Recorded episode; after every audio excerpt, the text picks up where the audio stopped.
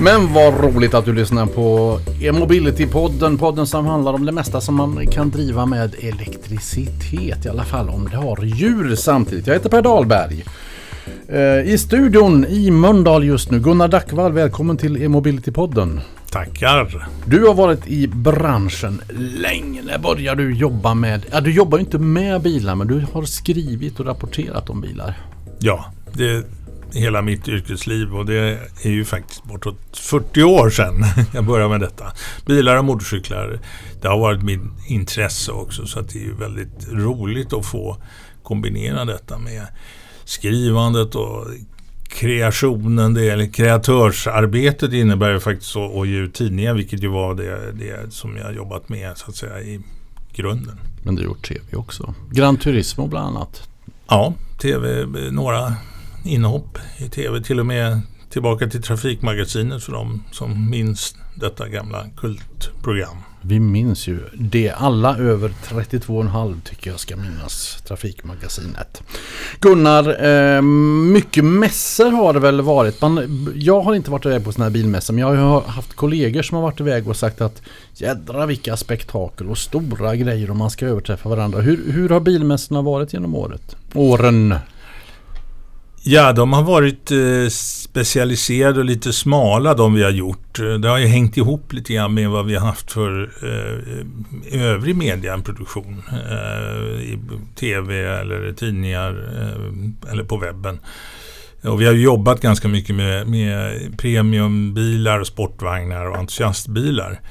Eh, sen då de senaste åren, eh, fyra år sedan, så sadlade vi om Eh, även om vi inte har släppt de gamla bitarna helt så, så såg vi att det fanns ett spirande intresse för, för elbilar. Och det kom inte som man kanske tror då så att säga nere i myllan, det där intresset. Det var inte där det föddes riktigt utan det var, det var snarare i prestanda prestandafacket. Därför halkade vi kan vi säga in på det här intresseområdet och det har ju vuxit eh, och nu växer det ju explosionsartat. Det var inte den lilla surrande shoppingbilen som väckte intresset utan det var de där det var prestanda. Ja, och, och eh, som ganska många trender som kommer de liksom uppifrån och ner lite grann. Eh, och så har ju skett också här, inte minst med Tesla då som prestandabilar, dyra bilar som ju faktiskt har, har nu blivit en blåslampa för hela den gamla industrin. Hur kommer det sig att man släpper prestandamodellen? Volvo 760 innan Volvo 740 och så. Är, vill vi hellre ha någonting som liknar den dyra bilen? Ja, det där är väl någonting som eh, de här varumärkesanalytikerna kanske sitter och funderar på. Att man bygger någon slags image kring en, en bil genom att släppa värstingen först som då ska dra lite grann den här bas 740 sen liksom med sig. Man, man, man tar de stora hästarna först helt enkelt. Ja. Du bilmässor sa jag, det har du varit runt på en hel del. Frankfurtmässan hörde man ju talas om. Eh, den, den verkar inte må så bra. Nej, de här stora eh, gigantiska kraftdemonstrationerna från bilindustrin, de verkar faktiskt har nått sin ände. Eh, inte bara kan man ana det utan det är faktiskt så att, att Frankfurt förmodligen inte kommer att bli av något mer. Utan man pratar där i, i Tyskland i bilindustrin om att eh, flytta det här till en mindre anläggning någonstans till en grönare stad, till exempel Berlin som har varit på tapeten. Eh, nu är ju omställningen de facto så att säga och man måste göra någonting och det här skrytscenariot då med de här gigantiska mässorna det känns som det tillhör lite grann det förgångna faktiskt. Det var flera tillverkare som uteblev från Frankfurt va? 22 vad jag hörde. 22 av biltillverkarna var inte där. Eh, och man kan titta på de, några av de stora som Volkswagen. De, de koncentrerade sig till, bara till sina elbilar. De visar ingenting annat överhuvudtaget. Så att de befinner sig i en enorm omställningsprocess och, och det är klart det här är ett, det är ett dilemma. Jag kan tänka mig att mässorna kanske är det minsta problemet de har just nu. Men samtidigt då som, som eh, det går sämre för de stora bilmässorna så är du med för något år sedan här och drar igång e-car Expo. Vi rapporterade därifrån förra året och vi kommer också att sända därifrån eh, mellan den 29 i 11 och ursäkta mig, första december i år då som är 2019. Va, finns det fortfarande intresse när det gäller elbilar även om det minskar på eh, fossilbränslefronten? Mm. Ja, det är klart. Alltså, elbilarna är ju... Den omställningen kommer och, och det finns ju ett enormt informationsunderskott när det gäller elbilar. Jag menar, det, är, det är allt ifrån eh, laddning och räckvidder och eh, vad det kostar att köra till eh, alla, alla andra faror som larmas om i, i media om bränder och annat. Som, allt det här eh, ligger ju liksom bara öppet nu och behöver tas om hand eh, av någon media och då är mässan, mässan en möjlighet här som vi nu också gör i Stockholm i februari och sen fortsätter vi till Köpenhamn i april och sen är det Oslo nästa höst. Då. Så att nu har vi, gör vi en liten turnéplan för det här. För det finns ett enormt behov skulle jag säga. Och då är det lite motsägelsefullt naturligtvis när vi pratar om Frankfurt som, som är på väg att dö. Men det här handlar ju om en helt annan eh, storlek naturligtvis. Det är ett helt annat, en helt annan eh, kostym för, för utställarna att ta på sig. Och dessutom har vi tillfört då den här live-momentet att man faktiskt kan eh, provköra bilar. Man går in i en varm bil inomhus och kör ut på en slinga. Så det, det är ett nytt inslag också som gör att eh, utställarna känner att det här är någonting som faktiskt promotar deras eh, försäljning på ett väldigt handgripligt sätt. Inte bara man tittar på något snyggt utan man, man kan faktiskt göra affärer där på plats. Och det är också väldigt hands-on för, för besökarna. Alltså att man, man dyker upp, man har, och man har flera att välja på och kan jämföra och man kan också Eh, lära sig. Är vi någonstans i samma period som vi var när, när hemdatorerna kom 90-talet och mobiltelefonerna? Är, finns det några paralleller där när det gäller elbilar? Ja, jag, jag vill påstå det. Man kan se på en, nu ska jag inte generalisera för mycket, men, men de som är early adopters liksom och har köpt elbilar och kör elbilar det är, det är lite en annan profil på dem än de här gamla mekaniska nördarna som gärna står och hänger i ett motorrum och skruvar och det ryker och smäller lite grann.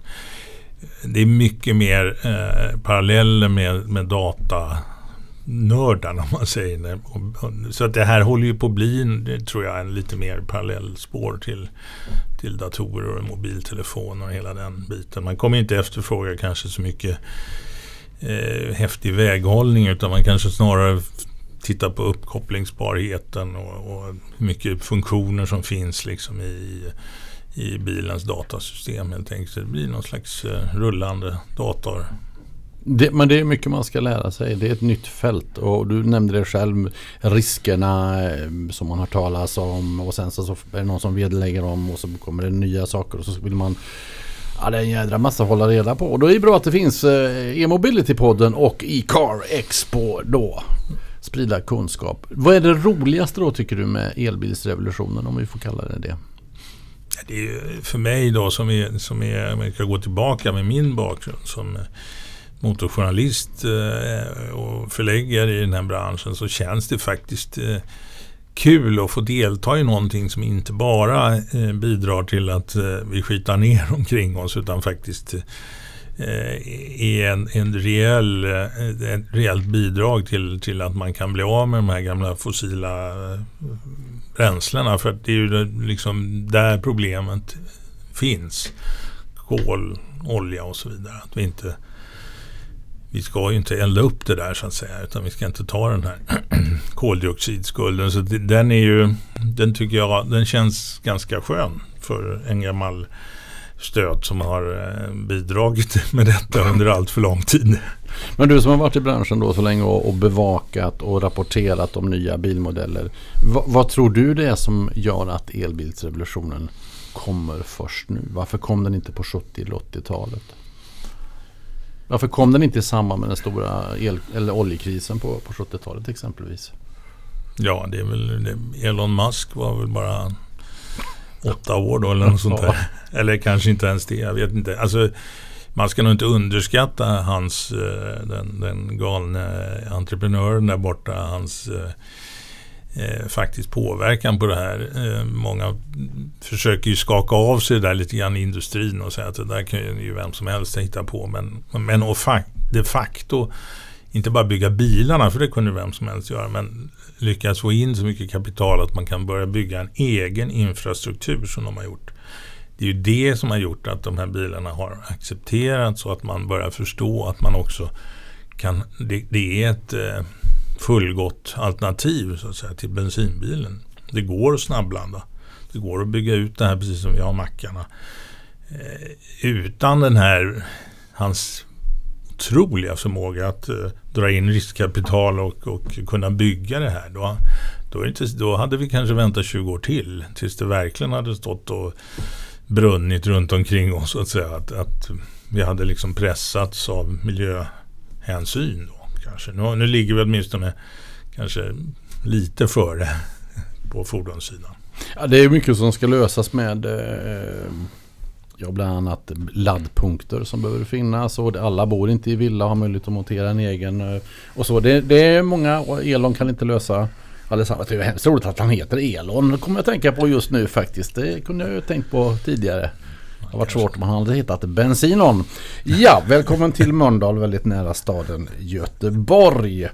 Du, eh, på mässan nu då, eh, som vi kommer att sända ifrån, eh, E-car Expo, slutet av sista helgen i november och första dagen i december månad 2019.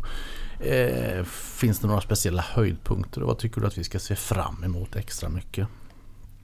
Eh, vi ska se fram emot att vi till exempel har en, ett eh, västsvenskt nytt märke som visar upp sin repertoar och egentligen för första gången Eh, för, för eh, de svenska bilköparna kan visa bilarna när de går, alltså Polestar pratar jag om då.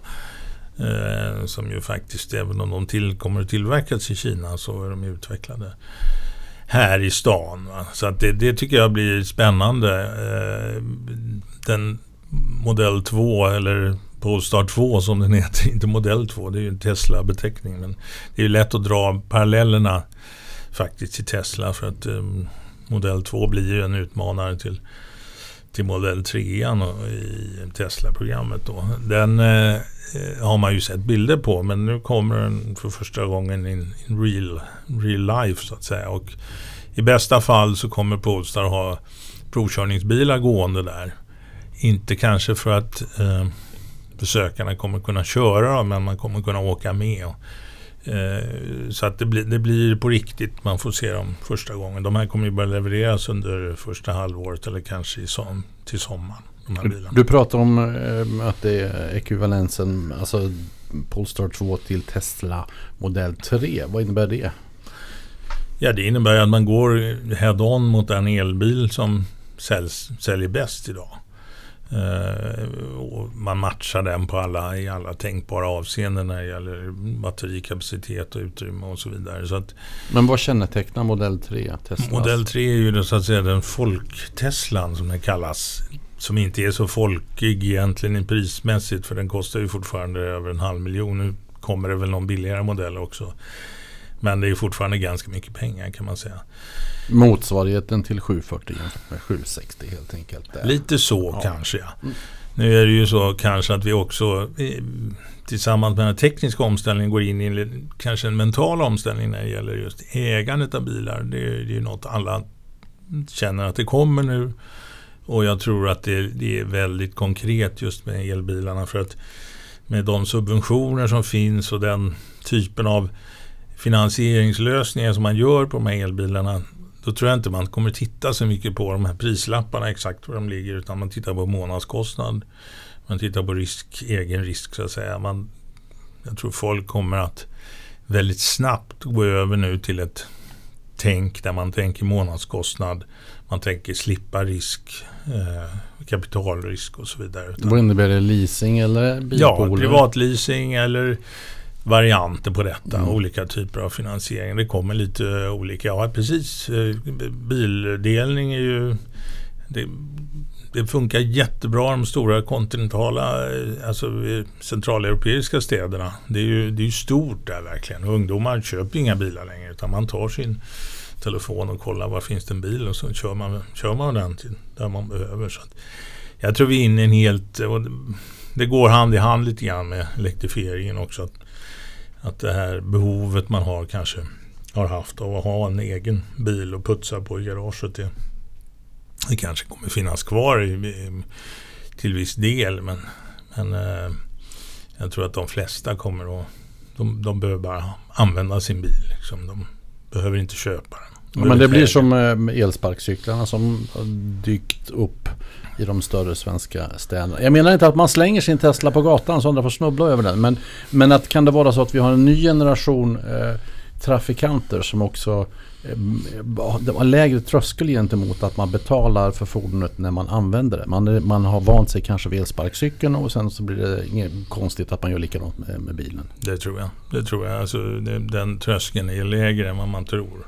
Det bara går till min, mina barn och den generationen som är mellan 20 och 30. De, de är, finns inget sug där riktigt att ha äga sin bil utan man vill, man vill använda den. Men, men inte ha någonting som står bara 90% av tiden och kostar pengar. Vi är på väg mot nya tider Gunnar. Jag vet inte om det är... Ja det är naturligtvis bra och roligt och så men eh, det är gött att äga bil också, är det inte det? Jo, och jag tror att kanske du och jag, eller åtminstone jag då som är en riktig bilnörd, har svårt kanske att göra mig av med den här kanske entusiastbilen som man har. Men, men just de dagliga transporterna, det vill vi bara lösa så smidigt som möjligt, eller hur? Det vill vi ju. Det är så. Ja. Du, eh, jag nämnde det förut, jag nämner det igen. E-car Expo alltså med start den 29 november. Svenska mässan i Göteborg. Jajamensan. Samma ställe som förra året om man var där då. Jajamensan, väldigt trevligt mitt i stan. Eh, gillar det verkligen. Eh, provkörningsslingan går ju ner i Gårda för alla som känner eh, till det. Det är kanske inte den optimala fullfartssträckan men man hinner i alla fall känna lite på bilarna och det kommer att finnas mycket provkörningsbilar. Eh, åtminstone ett 60-tal. Och förutom då Polestar som vi pratade om så, så kommer det finnas ett antal roliga nyheter faktiskt där med både konceptbilar från, från flera av tillverkarna. Eh, Mercedes som inte var med förra året eh, kommer med, med en rejäl satsning. Eh, vi kommer att ha BMW också på konceptsidan. Audi. Eh, vi kommer ha helt nya eh, elminin, alltså hundkojan i elformat. Premiär för den det kommer ett antal roliga saker som eh, inte ens jag har koll på nu eh, i det här läget när vi sitter här några veckor innan. Men när detta ligger ute då kan man säkert gå ut på nätet och kolla. Absolut, det är bara att hacka sig in på hemsidan och kolla allt. Hemsidesadressen är så här. Den är i carexpo.se. Gunnar Dackvall, tack så hemskt mycket för att du var med i Mobility-podden. Tack så mycket.